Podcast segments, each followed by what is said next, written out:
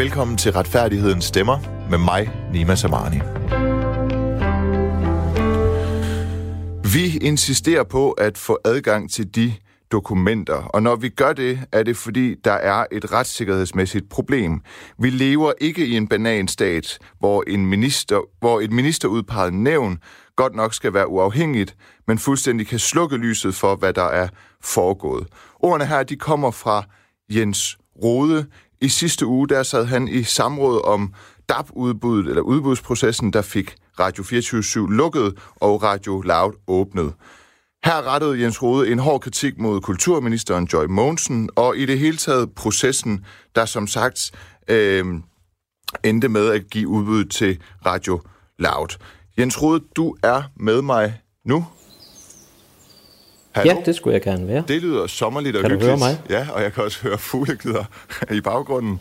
Jamen, det er jo dejligt. Jeg sidder faktisk indendør, men øh, vi er jo så heldige i den her coronakrise, at der kommer noget godt ud af det.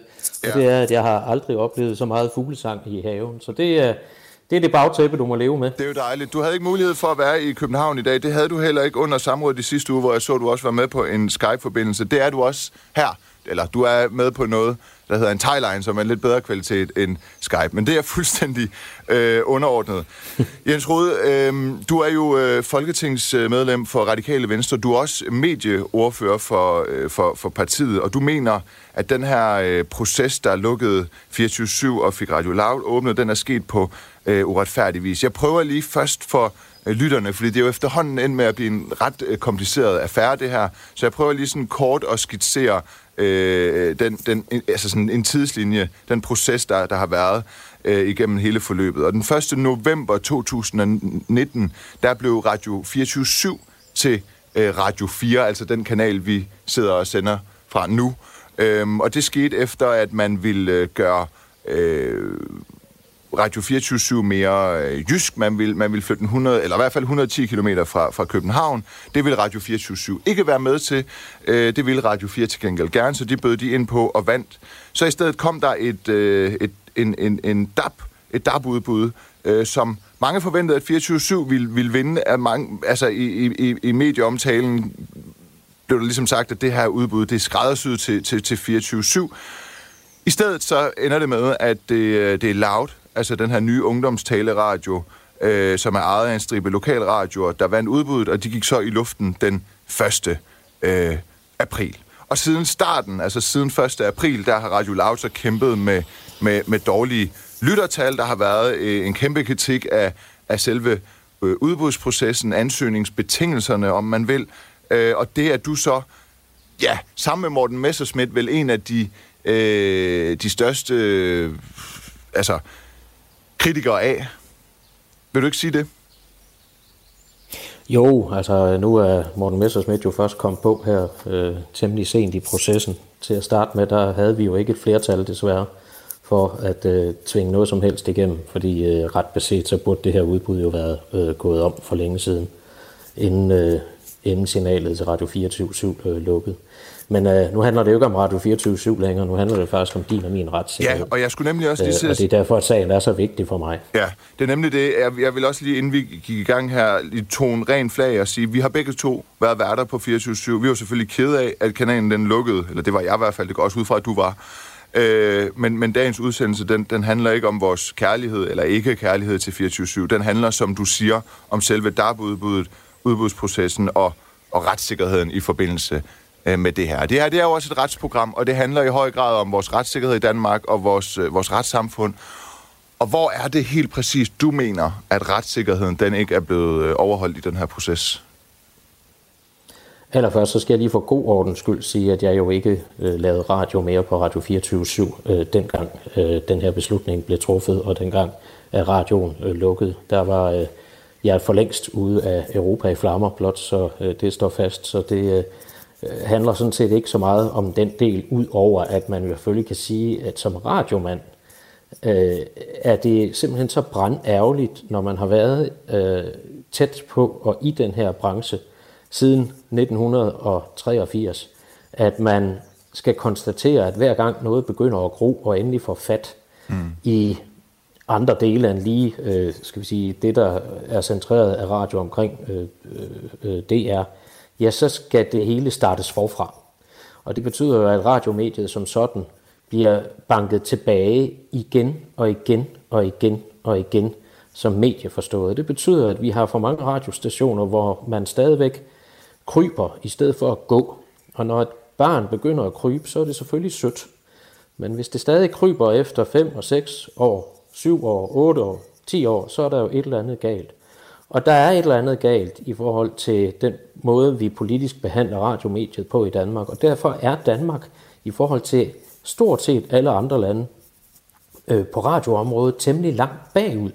Øh, også i forhold til at få skabt kommercielt levedygtige øh, kanaler.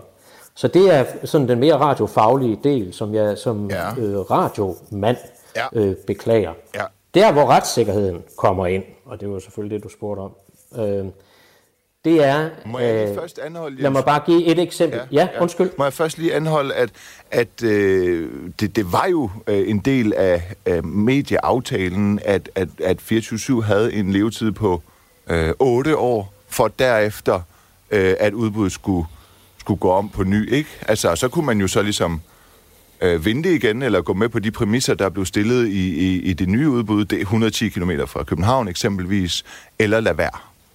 Øh, og, og der siger du jo så, at, at man, man ikke giver radioen lov til at, at fortsætte. Altså, en, en, øh, en nystartet radio, den, den, den, den får ikke nok levetid. Er det det, du siger?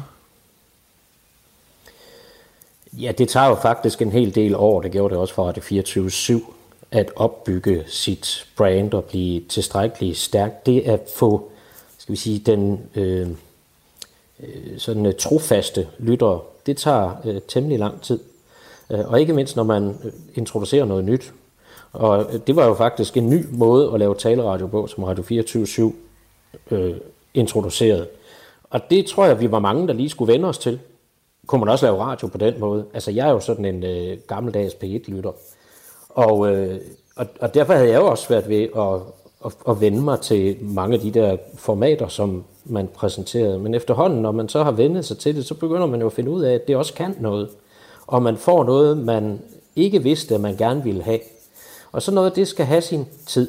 Og lige så snart det så har sin tid, så begynder man så at nedbryde det igen. Mm. Og nu vil jeg bare lige understrege, at jeg har jo ikke været med i de her medieaftaler. Jeg har jo siddet i eksil i Bruxelles. Ja, øh, så jeg har ikke lige sådan haft ja. øh, lod, jeg har ikke lige haft lod af del i de der opfindelser, der, øh, der er lavet. Men som i, i mine øjne bygger på alt for meget Øh, og det gjorde det udbud også om, omkring øh, DAB-radioen, som vi skal, som lavt valgt, som vi skal tale om bagefter. Ja. Øh, alt for meget politisk indblanding i, hvad man skal sende på hvilket tidspunkt og sådan noget der. Men det er jo selvfølgelig nogle udbudsvilkår, alle kender, når de ja. går til dem. Og, og, derfor os, skal de og det er nemlig det, det, det, det, vi skal tale om bagefter. Vi har helt indtil klokken 12. Øh, vi kører en time. Jeg siger lige til lytterne, øh, eller til dig, kære lytter, at du kan skrive ind på 1424. Du skal starte din sms med R4 som mellemrum indholdet af din besked. Hvis du har et indspark til samtalen her, eller debatten mellem Jens Rude og jeg, som handler om, og det er jo det, den handler om, Jens Rude, det er retssikkerheden i forbindelse med det her øh, DAP-udbud. Øh, lad os... Øh, lad os komme ind på det. Du siger, at vi lever ikke i en bananstat, hvor et øh, ministerudpeget nævn godt nok skal være uafhængigt, men fuldstændig kan slukke lyset for, hvad der er Øh, øh, foregået. Og det er, det er altså i forbindelse med, med det her DAB-udbud og, og, og selve processen. Vil du prøve at uddybe øh, med dine egne ord, hvor du mener, at, at vores retssikkerhed i den her forbindelse er blevet krænket? Når man diskuterer retssikkerhed, så skal man altid huske, at retssikkerhed, det handler jo både om den fysiske person, altså du og jeg som personer og CVR-numre, eller CPR-numre, men det handler også om den juridiske person. Og når man laver udbudsprocesser, og dem er der jo virkelig mange af i Danmark øh, hvert eneste år, ikke mindst på kommunal plan, så skal der jo være nogle retningslinjer, så vi ikke risikerer sådan nogle velkendte østeuropæiske øh, og italienske tilstande, hvor man kan sådan øh, kende øh, byderne på forhånd, og så kan man så tilrettelægge sine regnemodeller sådan, at man kan bestemme sig for, at de gode venner, eller hvem det nu er, man gerne vil have til at øh, drive licitationen, at det er dem, der vinder.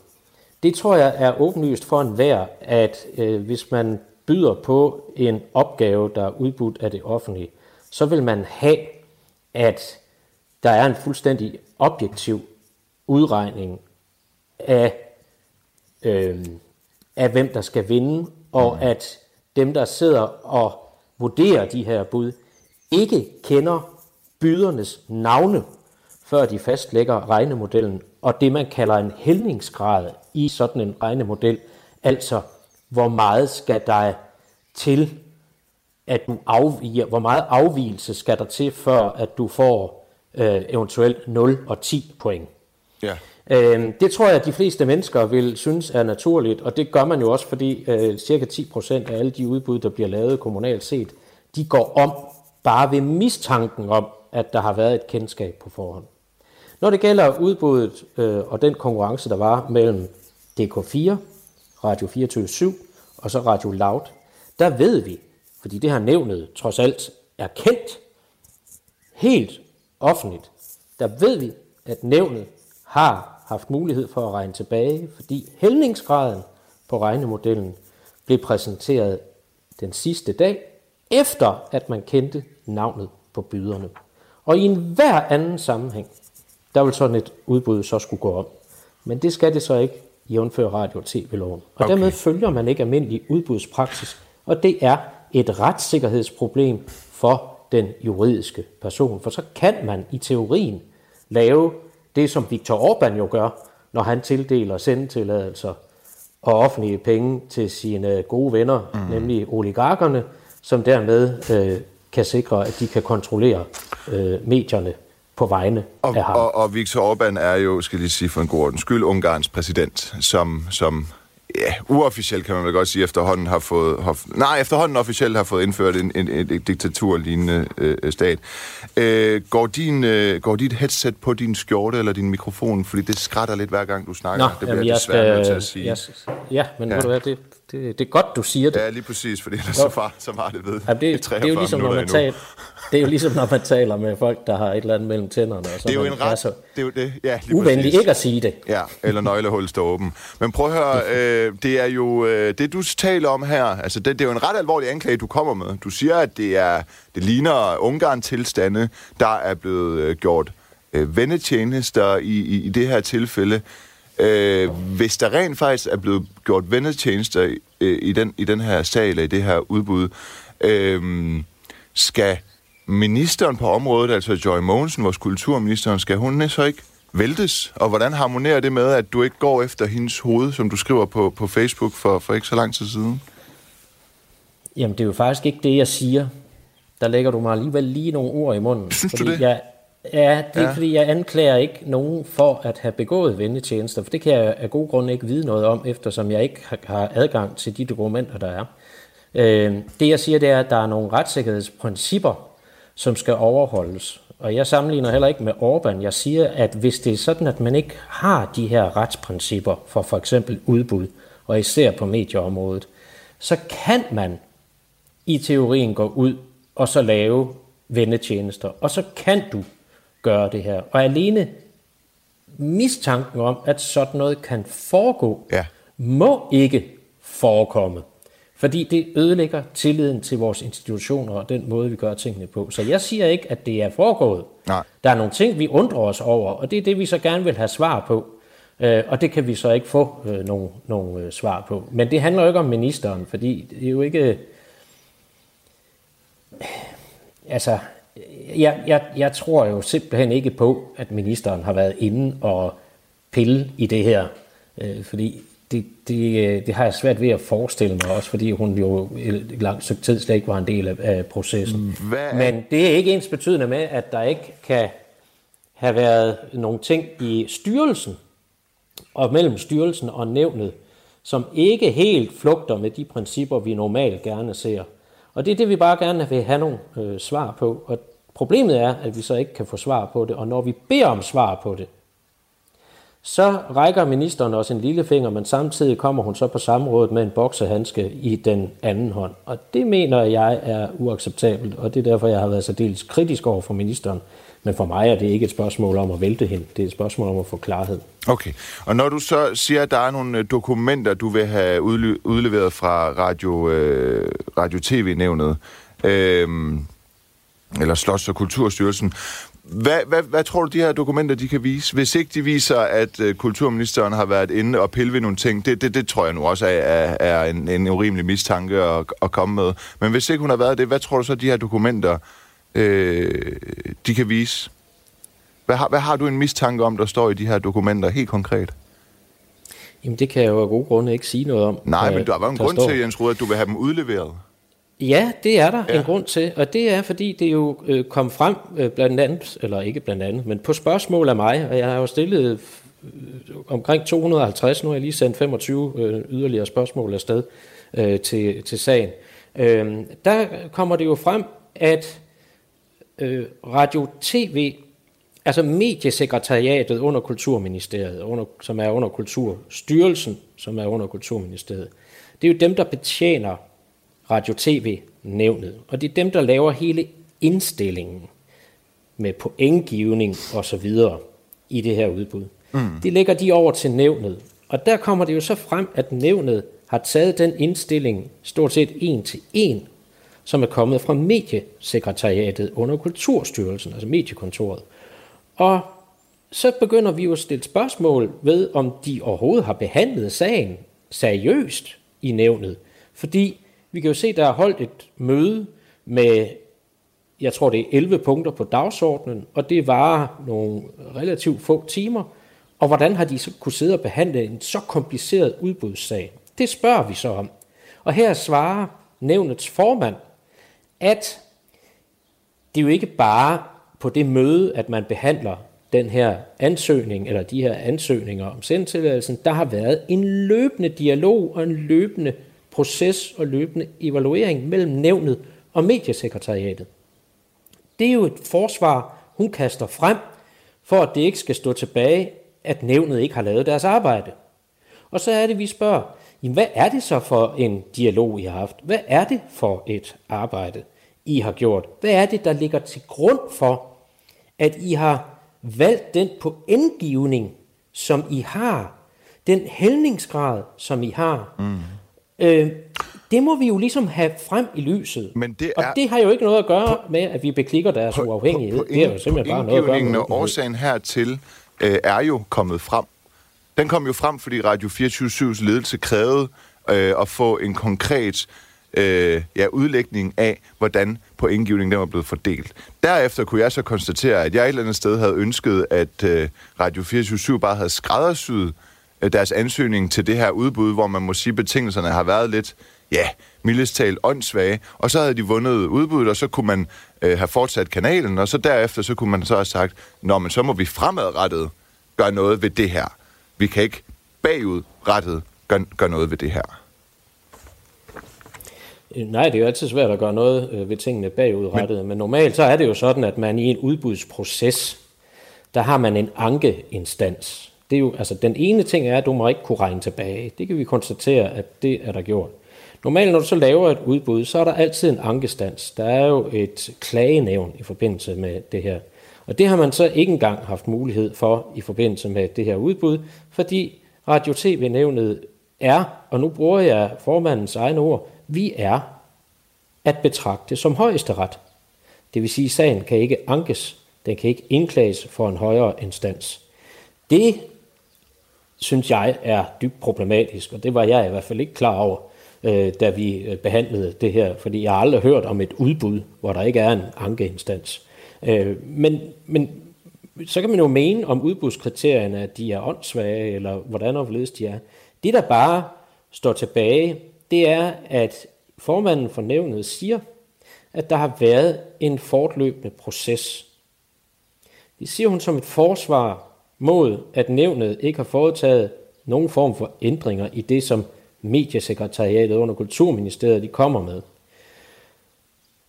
Og det er jo ellers et meget uafhængigt nævn, har de gjort meget ud af.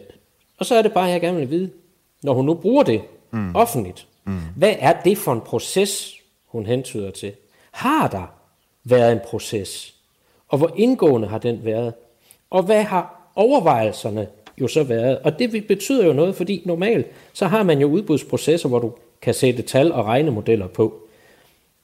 De har været rigeligt diskuteret. Men når du laver sådan en kvalitativ udbudsrunde, som en stor del af det her jo er og var, så er der jo også nogle overvejelser om, for eksempel, hvordan vil man godt gøre, at man giver satiren nogenlunde samme point antal mellem en radiostation, der beskriver noget, som de jo så efterfølgende ikke har kunne efterleve, øh, og så en radiostation, som har et velkendt brand, ja. nemlig øh, den korte radiovis. Hvad har overvejelserne været der? Ja. Hvad har overvejelserne været Men... i forhold til øh, øh, korrespondenter? Mm. Altså...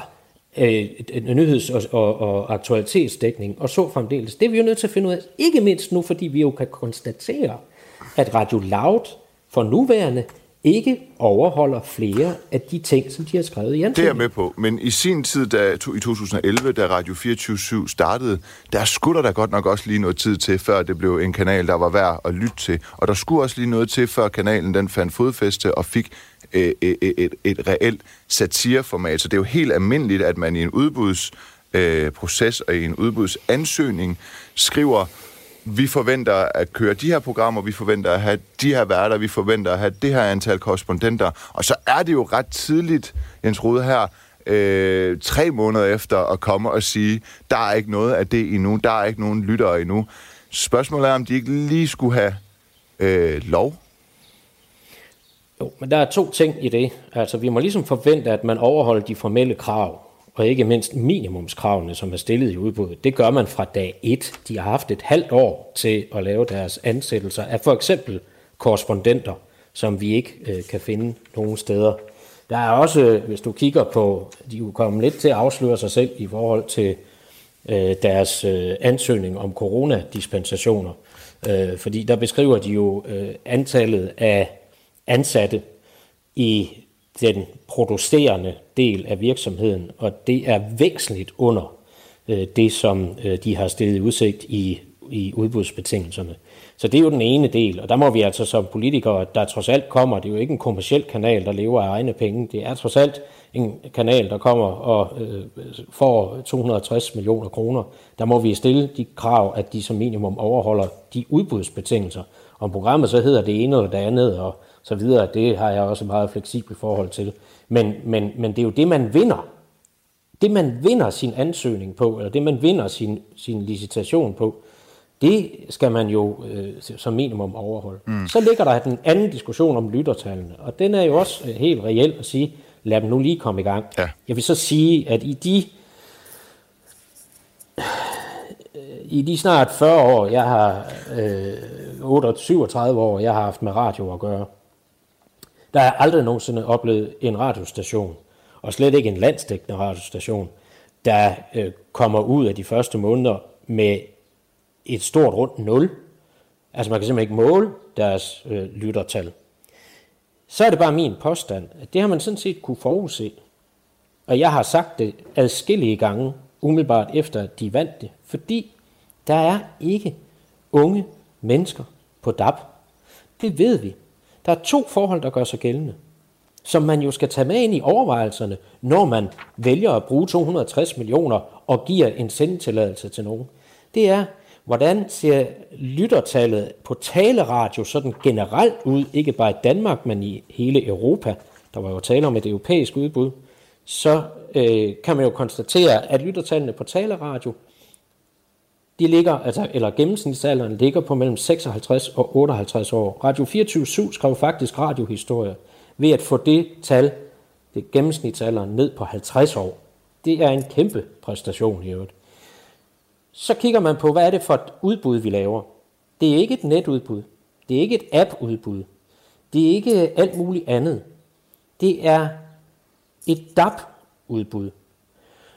Den målgruppe, som den ene ansøger vil henvende sig til, findes ikke på DAB, fordi DAB-radioen er jo den forældet og meget dyr teknologi, men det er en teknologi, og det er, det er, det er, det er, det er et radioinstrument, som ikke findes i unge menneskers hjem eller på deres værelser, fordi det betragtes som blandt unge mennesker som armarhylden. Mm. Øh, er det for min generation, nemlig sådan noget, man smider ud i sommerhuset, eller man smider den Men det, er jo, det, det, det her det handler jo mere om din holdning til, at det er hul i hovedet, at en ungdomstaleradio vinder et udbud, fordi unge ikke lytter til DAB. Det er vel reelt nok, at man prøver at sige, at vi vil forsøge at få unge til at høre DAB-radio. Og så om det så lykkes eller ej, det er jo så en anden sag. Der er det jo for tidligt at sige, som du selv siger, om det kommer til at lykkes. Så jeg kan i hvert fald... Men det har vi jo ikke beskrevet noget om i udbuddet. Altså det er jo ikke nævnet, der skal bestemme, om, om vi vil forsøge, Nej, vi vil bruge 260 millioner kroner på, på, øh, Nej, på det. Men kan vi godt... Jeg siger bare, jeg, jeg, jeg, det her det er jo ikke en synsning. Jeg baserer nemlig ikke mine ting på synsninger.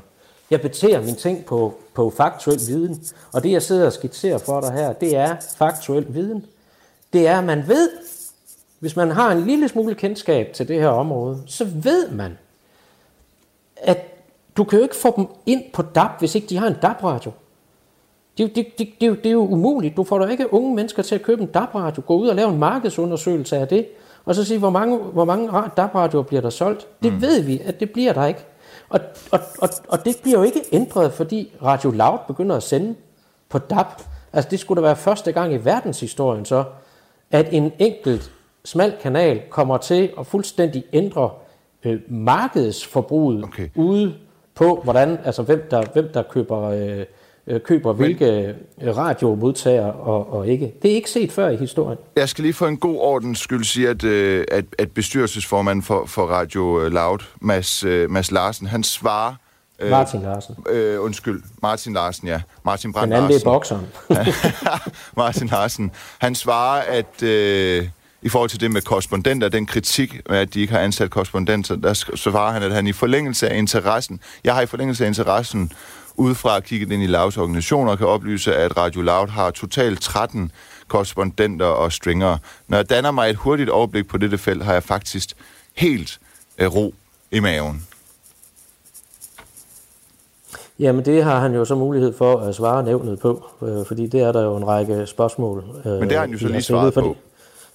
Ja, jeg har ikke svaret nævnet på, hvordan han har øh, Nej, men han har jo svaret på kritikken, som Morten Messersmith fremfører, de der syv punkter, han fremført under samrådet. Så det er jo, det er jo svaret her. Det, det ligger ja. jo offentligt tilgængeligt. Øh, på, på ja, vi kan jo bare ikke konstatere det ud af deres hverken programmer eller deres øh, hjemmeside. Nej, så det, det, er, jo... det er klart, men altså, der gik også øh, cirka tre år før jeg stod som, øh, som, som vært på Radio 24 hjemmeside, selvom jeg allerede var vært. Så altså, der gik også øh, halvt år før der kom et billede af mig på Radio 4 hjemmeside. Så altså, igen, det handler lige om at komme i gang. Men jeg vil gerne tilbage til, til, til, til det retssikkerhedsmæssige problem i det her. Øh, du, du, du, har, du, du har fuldstændig styr på, på den her sag og så videre. Noget, jeg bare undrer mig over, det er, øhm, når nu Radio tv-nævnet, det er jo uafhængigt, fordi de her øh, afgørelser, de skal ske uden påvirkning magthaverne, altså sådan en som dig. Øh, synes du ikke, du går ind og påvirker øh, et uafhængigt nævn, eller i hvert fald forsøger at gøre, når du kræver, at de udleverer nogle dokumenter, og det i loven står, at det i kraft af nævnets uafhængige karakter, så har de ret til ikke at udlevere disse dokumenter? Nej, det mener jeg helt, helt forfejlet, altså, øh, og helt ud af trit med, hvad man forlanger af alle mulige andre øh, nævn, og altså selv PET og FET er jo mere åbent for folketingspolitikere. Men de er ikke kan... uafhængige nævn? Ej, vi, vi har jo... Øh... Nej, nej, de, nej, nej, nej. De opererer, de opererer jo under ordre fra justitsministeren. Ja, under, under en ramme. Jeg siger bare, altså, vi har øh, etableret her et nævn, som med igen formandsord øh, fungerer som slags højeste ret. Men det er ikke ens betydende med, at man har ret til at lukke øh, sig om sig selv, fordi vi skal jo kunne, uanset hvilken myndighed der er i Danmark, så skal Folketinget kunne kontrollere den myndighed. Altså det må være et demokratisk krav. Det er et krav alle andre steder. Og jeg øh, vil jo bare have... Men hvis du kan at, kontrollere et uafhængigt nævn, Jens Rode, så har du jo også lige så snart du har mulighed for at kon- kontrollere noget, der er uafhængigt, så har du også mulighed for at påvirke noget, der er uafhængigt. Jeg har på første semester på Jura lært, altså det er simpelthen et grundprincip i vores statsforfatning, at man opretter uafhængige nævn for at udbud, de kan, de kan blive tildelt, uden at der skal komme nogen med øh, politiske interesser eller radiomæssige eller mediemæssige interesser at påvirke det. Når du så kalder det for en bananstat, at man ikke vil udlevere det, så vil jeg jo faktisk sige, at det vil jo netop være en bananstat, hvis man som uafhængigt radio-tv-nævn gik imod loven og rent faktisk udleverede dokumenter, som politikere ikke har ret til at se, fordi politikere ikke må påvirke afgørelserne. Jamen afgørelsen er jo truffet. Og, og når nu, vil du afgørelse... have, den skal, nu vil du have, at den skal gå om jo. Jamen, det kan jeg jo ikke. Altså, Jamen, sådan det er jo det, det, du vil have. Altså- Hvad mener du med, at du ikke kan? Er nej, det, altså, det, det, er, det havde jo, det havde jo, jeg, jeg havde, nej, men jeg havde jo, jeg mener jo, jamen, jeg kan jo ikke få den udbudsproces til at gå op. Det kommer jo ikke til at ske. Altså, jeg kommer ikke med ulovlige instrukser. Øh, jeg kræver bare, at vi som folketing kan kontrollere en proces, når processen har fundet sted. Altså, Øh, og det er uanset om man har ministerbetjeningsregler og hvad ved jeg i lov om offentlighed og i forvaltningen og hvad ved jeg. I sidste ende skal, mindre at der er noget, der taler for, at rigets sikkerhed er på spil her, så skal alle beslutninger kunne kontrolleres retrospektivt. Alle beslutninger. Jeg kan ikke ændre på det her udbud, men jeg mener helt fundamentalt, at man bør overholde almindelig udbudsretslig praksis.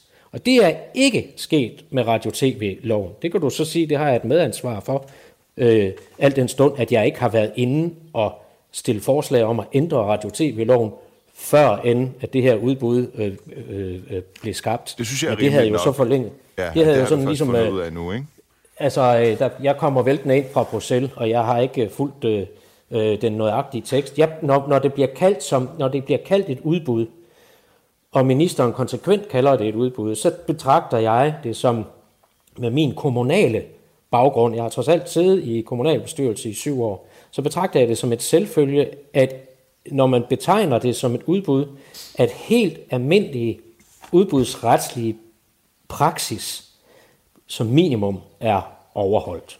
Okay. Det kan jeg så bare konstatere, så. At det skal det ikke være i forhold til radio-tv-loven, og det kan jeg jo så ærge mig over, at, man ikke har, at jeg ikke har været med til så at spørge Så, så når jeg siger til dig, om du er ude på at øh, ændre øh, udbuddet, altså på en eller anden måde i hvert fald er lovlig vej påvirke det, så siger du, det er jeg ikke. Jeg er ikke ude på at ændre udbuddet, det kommer ikke til at ske. Jeg vil have øh, klarlagt, hvad der er foregået, men, øh, men resultatet er ligesom, som det er. Det, det står fast. Øh, så siger du også for et halvt minut siden, at du kommer ikke med ulovlige instrukser. Altså det siger du i forbindelse med, at du ikke er ude på, ude på at ændre øh, afgørelsen. Øh, din kære kollega Morten Messerschmidt sagde jo ordret på, nu er han her desværre ikke, jeg havde givet ham tilbuddet, øh, han sagde jo ordret på samrådet, at han efter de syv kritiske punkter, han fremlagde, ville have, at udbuddet det skulle øh, gå om. Så er, det, er der så tale om ulovlige instrukser? Kommer Morten Messersmith så med ulovlige instrukser? Nej, fordi Morten Messersmith kan jo ikke komme med nogen instruks. Og du får ikke mig med på at øh, lave et flertal i Folketinget gennem en for eksempel et beslutningsforslag, der pålægger ministeren at lade udbuddet gå om. Øh, det kommer ikke igen. til at ske. Du må gerne lige ret på dit headset igen. Ja, ja det gør jeg. Det altså, det, ja, det, det kommer, det kommer, ikke, til, det kommer, nej, det nej. kommer ikke til at ske, fordi jeg bevæger, altså målet helliger ikke midlet i en retsstat. Men det gør det jo heller ikke, altså det ændrer ikke på, at, at jeg som folketingspolitiker mener at have ret til at kunne kontrollere, hvad der er foregået. Og hvis ikke jeg kan kontrollere, hvad der er foregået, så må vi have en uvildig instans til at kontrollere, hvad der er foregået. Og om det så skal være igennem en advokatundersøgelse, eller om det skal være igennem en kommissionsundersøgelse, hvor man også kan afhøre folk, det må vi jo tage stilling til. Problemet er, at vi ikke har, som i USA eller andre lande, hvor man kan lave parlamentariske undersøgelser, øh, at vi øh, altid skal, hvis vi vil have undersøgt noget, mm. ikke mindst med den lukkelov, som vi jo øh, har skabt med lov om offentlighed i forvaltningen, øh, Øh, så, skal, så er man nødt til at rulle det helt store og dyre maskineri, nemlig kommissionsundersøgelser, ud for at få det hele blotlagt. Jeg vil jo gerne undgå, at vi skal til at lave kommissionsundersøgelser, og derfor undersøger vi jo nu i øjeblikket, hvordan vi kan få afdækket alt om, hvad det er, der er foregået. Fordi indtil videre er der jo en lang række spørgsmål, som står ubesvaret. Og netop fordi det er lidt betændt det her, og fordi det også handler om medier, og fordi man ikke har fulgt normal udbudspraksis, så er det jo helt afgørende for tilliden til vores institutioner, at man får klarlagt, om der er noget at komme efter, om der ikke er noget at komme efter. Og jeg håber jo, at der ikke er noget at komme efter. Men så længe tvivlen er der, så er vi nødt til at få det undersøgt. Man kan jo sige, du siger, at... Øh, man kan, jeg har undret mig over det her med, at Radio øh, 427 ikke kunne få forelagt sagen for domstolene. Der kunne man jo sige, at øh, det, der kommer efter et nævn, det er øh, sædvanligvis domstolene, øh, og der kunne de så ikke få prøvet nævnets øh, afgørelse. Der er jeg sådan set meget øh, enig med dig. Det, det undrer jeg mig også øh, virkelig meget øh, over. Til gengæld så vil jeg gerne anfægte det, du siger, fordi øh, Radio-TV-nævnet er jo, øh, som det er proklameret, et uafhængigt nævn, der træffer en uafhængig afgørelse. Hvis man så har en, en, en fornemmelse af, eller en stærk begrundet mistanke om, at øh, de ikke har opereret øh, uafhængigt, der har været et eller andet i den her proces, der, der ikke har været, som det skulle være, ja, hvad gør man så? Ja, hvad gør man egentlig, når et, et, et, et, man skal øh, undersøge, om et uafhængigt nævn har været uafhængigt. Ikke? Men, men, men Rigsrevisionen har jo også sagt, at det hele det er gået efter reglerne. Så vi har et fra Folketinget, øh, eller et af u- Folketinget uafhængigt nævn, der har truffet en uafhængig afgørelse, og så har vi en rigsrevision, der normalt undersøger, at alt bliver forvaltet korrekt, altså på vegne af Folketinget, som også siger, at det er blevet forvaltet korrekt. Så hvad mere vil, altså, jeg, jeg kan næsten ikke forstå, hvad mere du vil have, når man har et uafhængigt nævn, der træffer en uafhængig afgørelse, og vi har en rigsrevision, der siger, at det hele er foregået, som det er, og du bliver ved med at sige, at du vil se nogle dokumenter, som du i kraft af, at det er et uafhængigt nævn, ikke har ret til at få udleveret, så synes jeg jo faktisk, at man kan vende den her kritik om armslængden om og sige, at hvor bliver din armslængde af? Men det du, er jeg fundamentalt du... uenig i, fordi jeg mener ikke, at nogen... det mig nej, nej, men jeg mener ikke, jeg mener ganske enkelt ikke, at nogen som helst myndighed i det her land, jo, øh, op til processen skal vi ikke have mulighed for at blande os, men man skal altid have mulighed for at kontrollere den proces, der er foregået.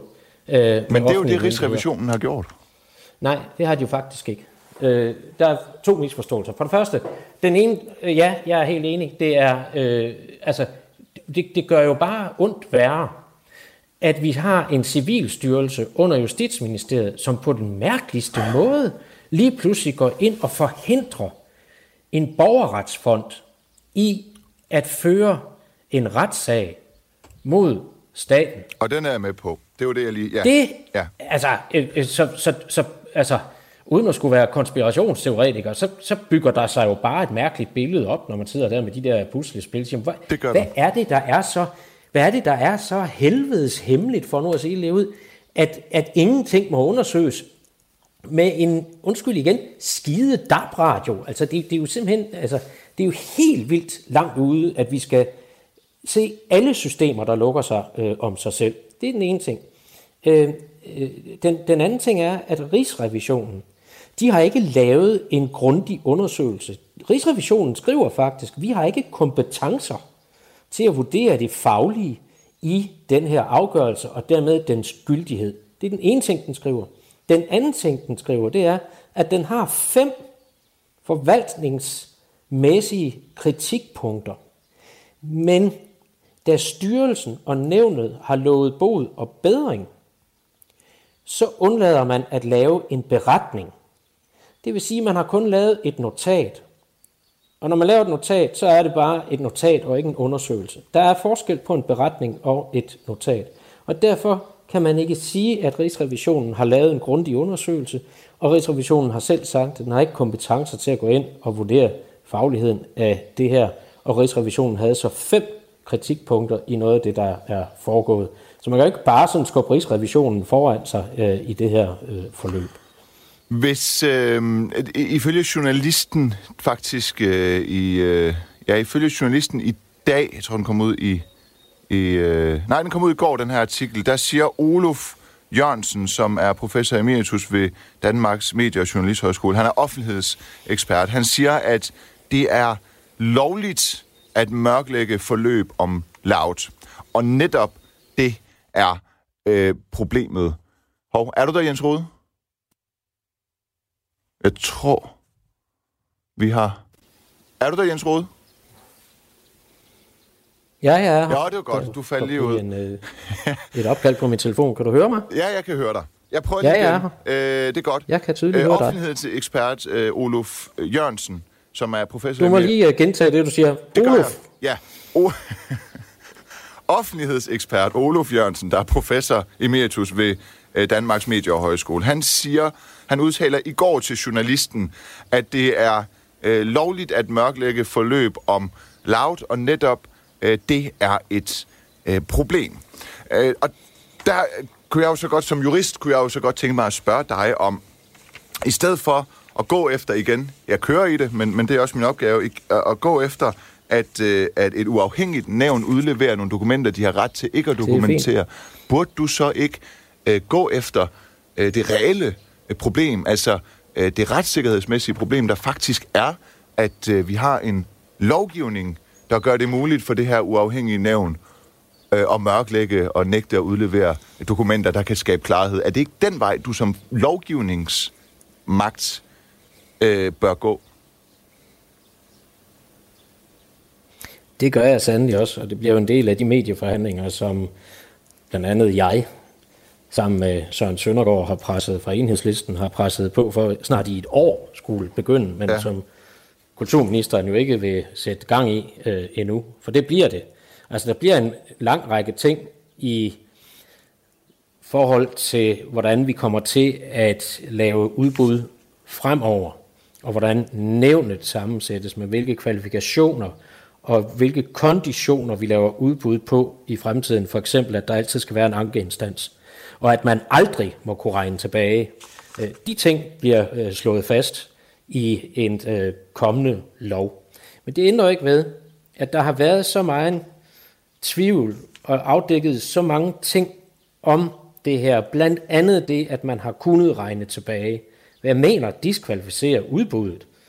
Øh, at vi er nødt til at få at vide, hvorfor i alverden træffer man den beslutning, at man skulle kende ansøgernes navne, før man fastlagde hældningsgraden. Ja. Hvad er baggrunden for det? Det er jo jurister, der sidder i Radio-TV-nævnet. De må da vide, at det gør man ikke. Det, det, det, det, det er vel fair nok, at man har sidder tilbage med, med, med, med en, en rimelig stor undren over, at sådan noget kan forekomme. Og så er jeg jo et enig med Olof Jørgensen i, at ja, det er lovligt. Der er lovhjemmel til, at, minis- at Radio- og TV-nævnet ikke udleverer eller lader os se de her øh, dokumenter.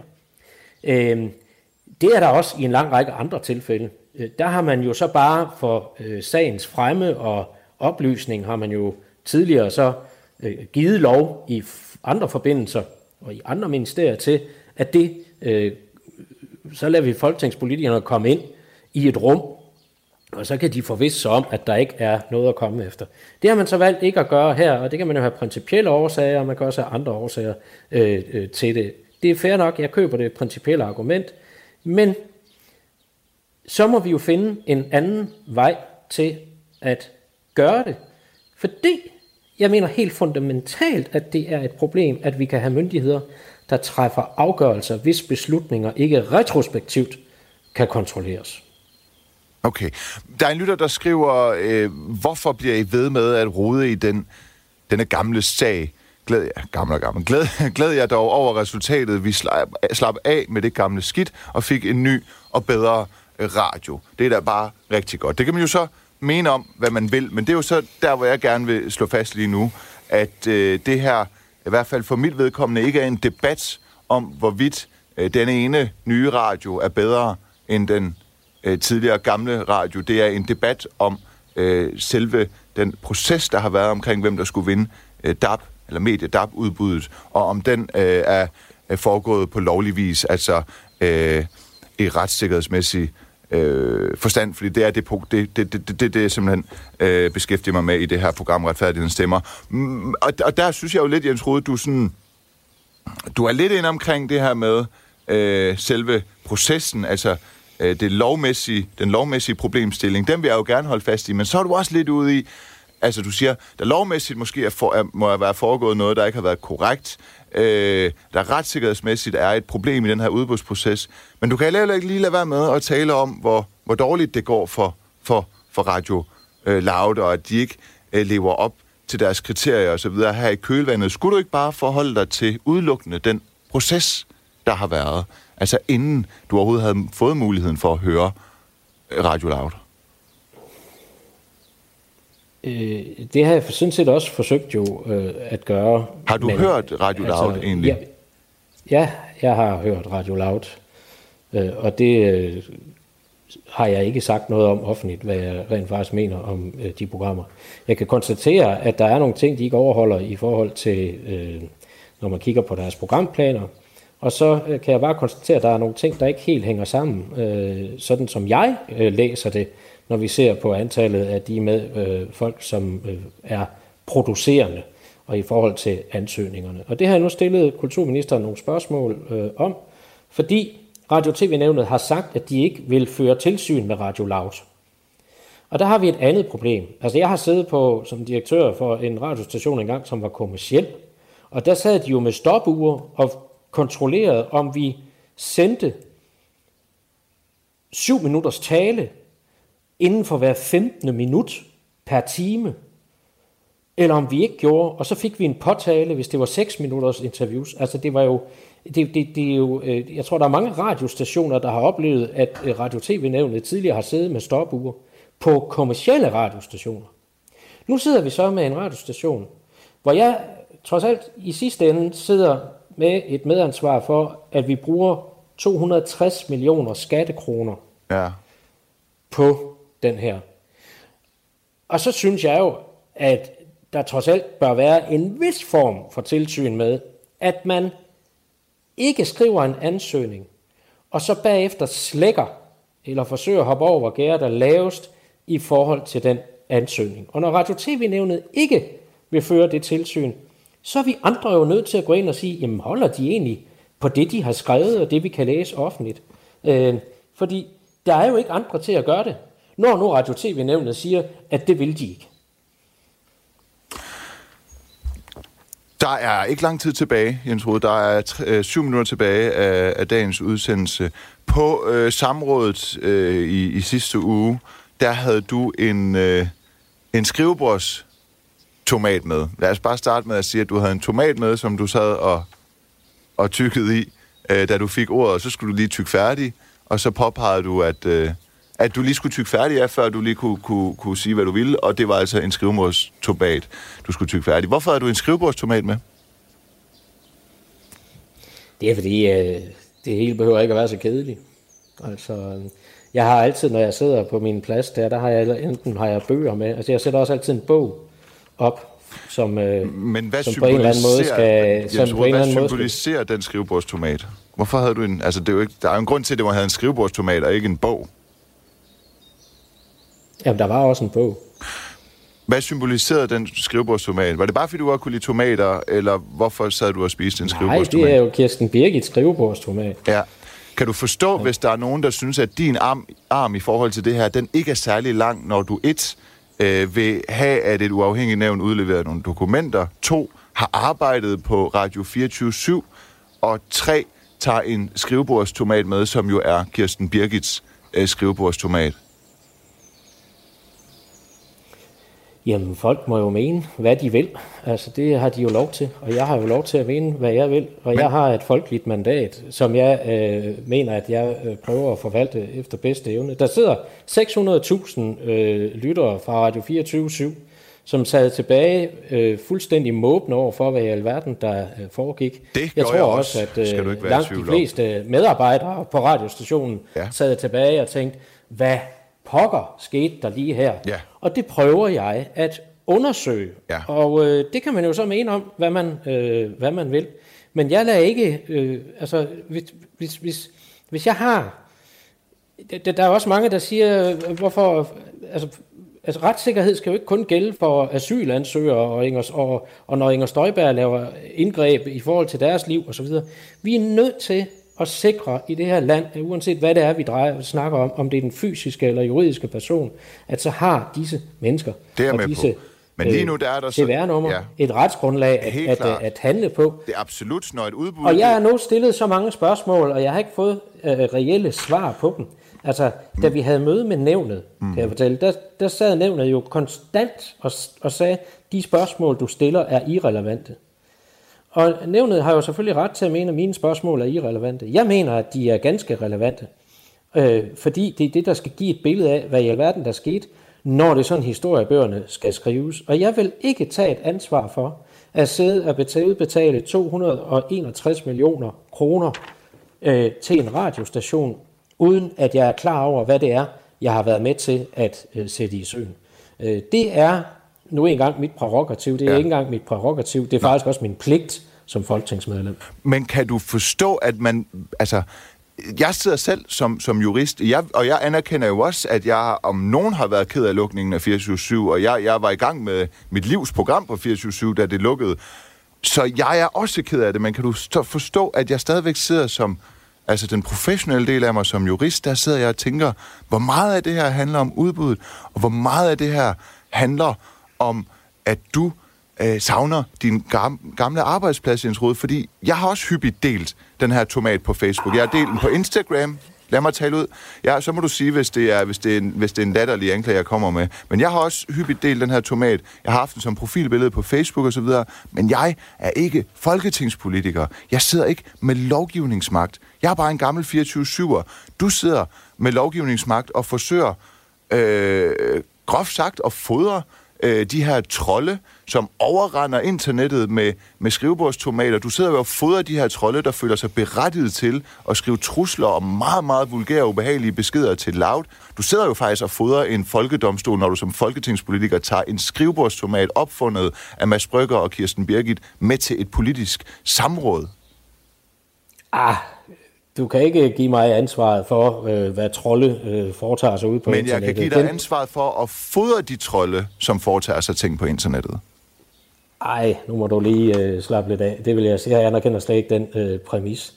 Øh, det er... Øh, øh, altså, øh, det kan jo være smag og behag, øh, hvordan og hvorledes. Jeg, jeg, øh, jeg, jeg, jeg valgte bare at bruge den som øh, et lille gimmick i forbindelse med, den, øh, med det samråd, som, øh, som, øh, som vi nu havde. Øh, og det er jo så muligt, at du sidder tilbage, den professionelle del af dig, og synes, at jeg øh, prøver, at øh, jeg bare savner Men, min men gamle den arbejdsplads. Som sagt, ved du hvad? Nej, den ved du hvad? professionelle del af mig, Jens Rud, vi, savner vi jo startede, den professionelle del af dig. Jeg føler jo, du har en sag her. Jeg er jo enig i en lang række af de her punkter. Jeg er jo også enig i, at den her udbud, udbudsproces, den har været helt af helvedes til. Jeg har jo siddet og jeg nærmest Men jeg savner jo ikke min gamle arbejdsplads. foregået. Men, men, men, men jeg holder mig stadigvæk savlig og professionel. Og, og, og, og du sidder som folketingspolitiker og vil have udleveret nogle dokumenter fra et uafhængigt nævn, og så tager du en skrivebordstomat med til, til, et, til, til et samråd. Ja, det kan man jo så mene om, hvad man vil, som sagt. Ja. Altså, øh, jeg har jo sådan set også min ytringsfrihed. Det øh, det ved jeg ikke, om du egentlig er klar over. Men, er jeg. øh, når det, nej, men, men, men, øh, og, og den kan jeg jo ytre på den måde, jeg nu øh, har lyst til Absolut. øh, Ja, at absolut. gøre det til enhver, over- til enhver tid. Absolut. Men du skal ikke anklage mig for, at jeg sidder og savner min gamle arbejdsplads, for jeg var ikke på Radio 24 Jeg var jo for længst stoppet på Radio 24 dengang, øh, at udbuddet overhovedet blev sat i gang. I og med, at jeg jo øh, var, i og med, at jeg jo var stoppet allerede i, jeg mener, det var december måned øh, året før. Ja. Så, så, så, så, øh, så, så du skal også lige holde tingene adskilt. Jeg skal også, øh, jeg, jeg, jeg kræver ikke, at du gør eller mener noget bestemt. Jeg fortæller mig bare, hvorfor jeg øh, undrer mig over, når en politiker mener, at der er foregået noget retssikkerhedsmæssigt problematisk, måske nogle vendetjenester i det her forløb, så tager den politiker, øh, selvsamme politiker, en skrivebordstomat af, der er opstået ud af et satireformat på en kanal, den politiker også har arbejdet på og var svært tilfreds med at arbejde på. Det er bare det. Men som jeg ikke arbejdede på på det tidspunkt. Det har du fuldstændig Og altså, der er stor symbolik i, øh, i meget af det omkring den der satire, øh, som jo også viste sig. Altså, det har jo været et, et springende punkt, at øh, der var et satireformat, som jo var nyskabende, og så øh, smadrede man det øh, øh, satireformat, man, øh, øh, og, og øh, på baggrund af, at man jo øh, øh, læste en ansøgning, som jo ikke kom til at holde stik, fordi ja. det viste sig, at man havde ikke nogen aftale med Sebastian Dorset. Og det undrer jeg mig stadigvæk over den dag i dag også. Der er 10, minutter til, eller 10 sekunder tilbage af dagens udsendelse, Jens Rode. Tusind tak, fordi du ville være med. Tak fordi jeg måtte. God dag. Tak lige måde. Nu er der nyheder.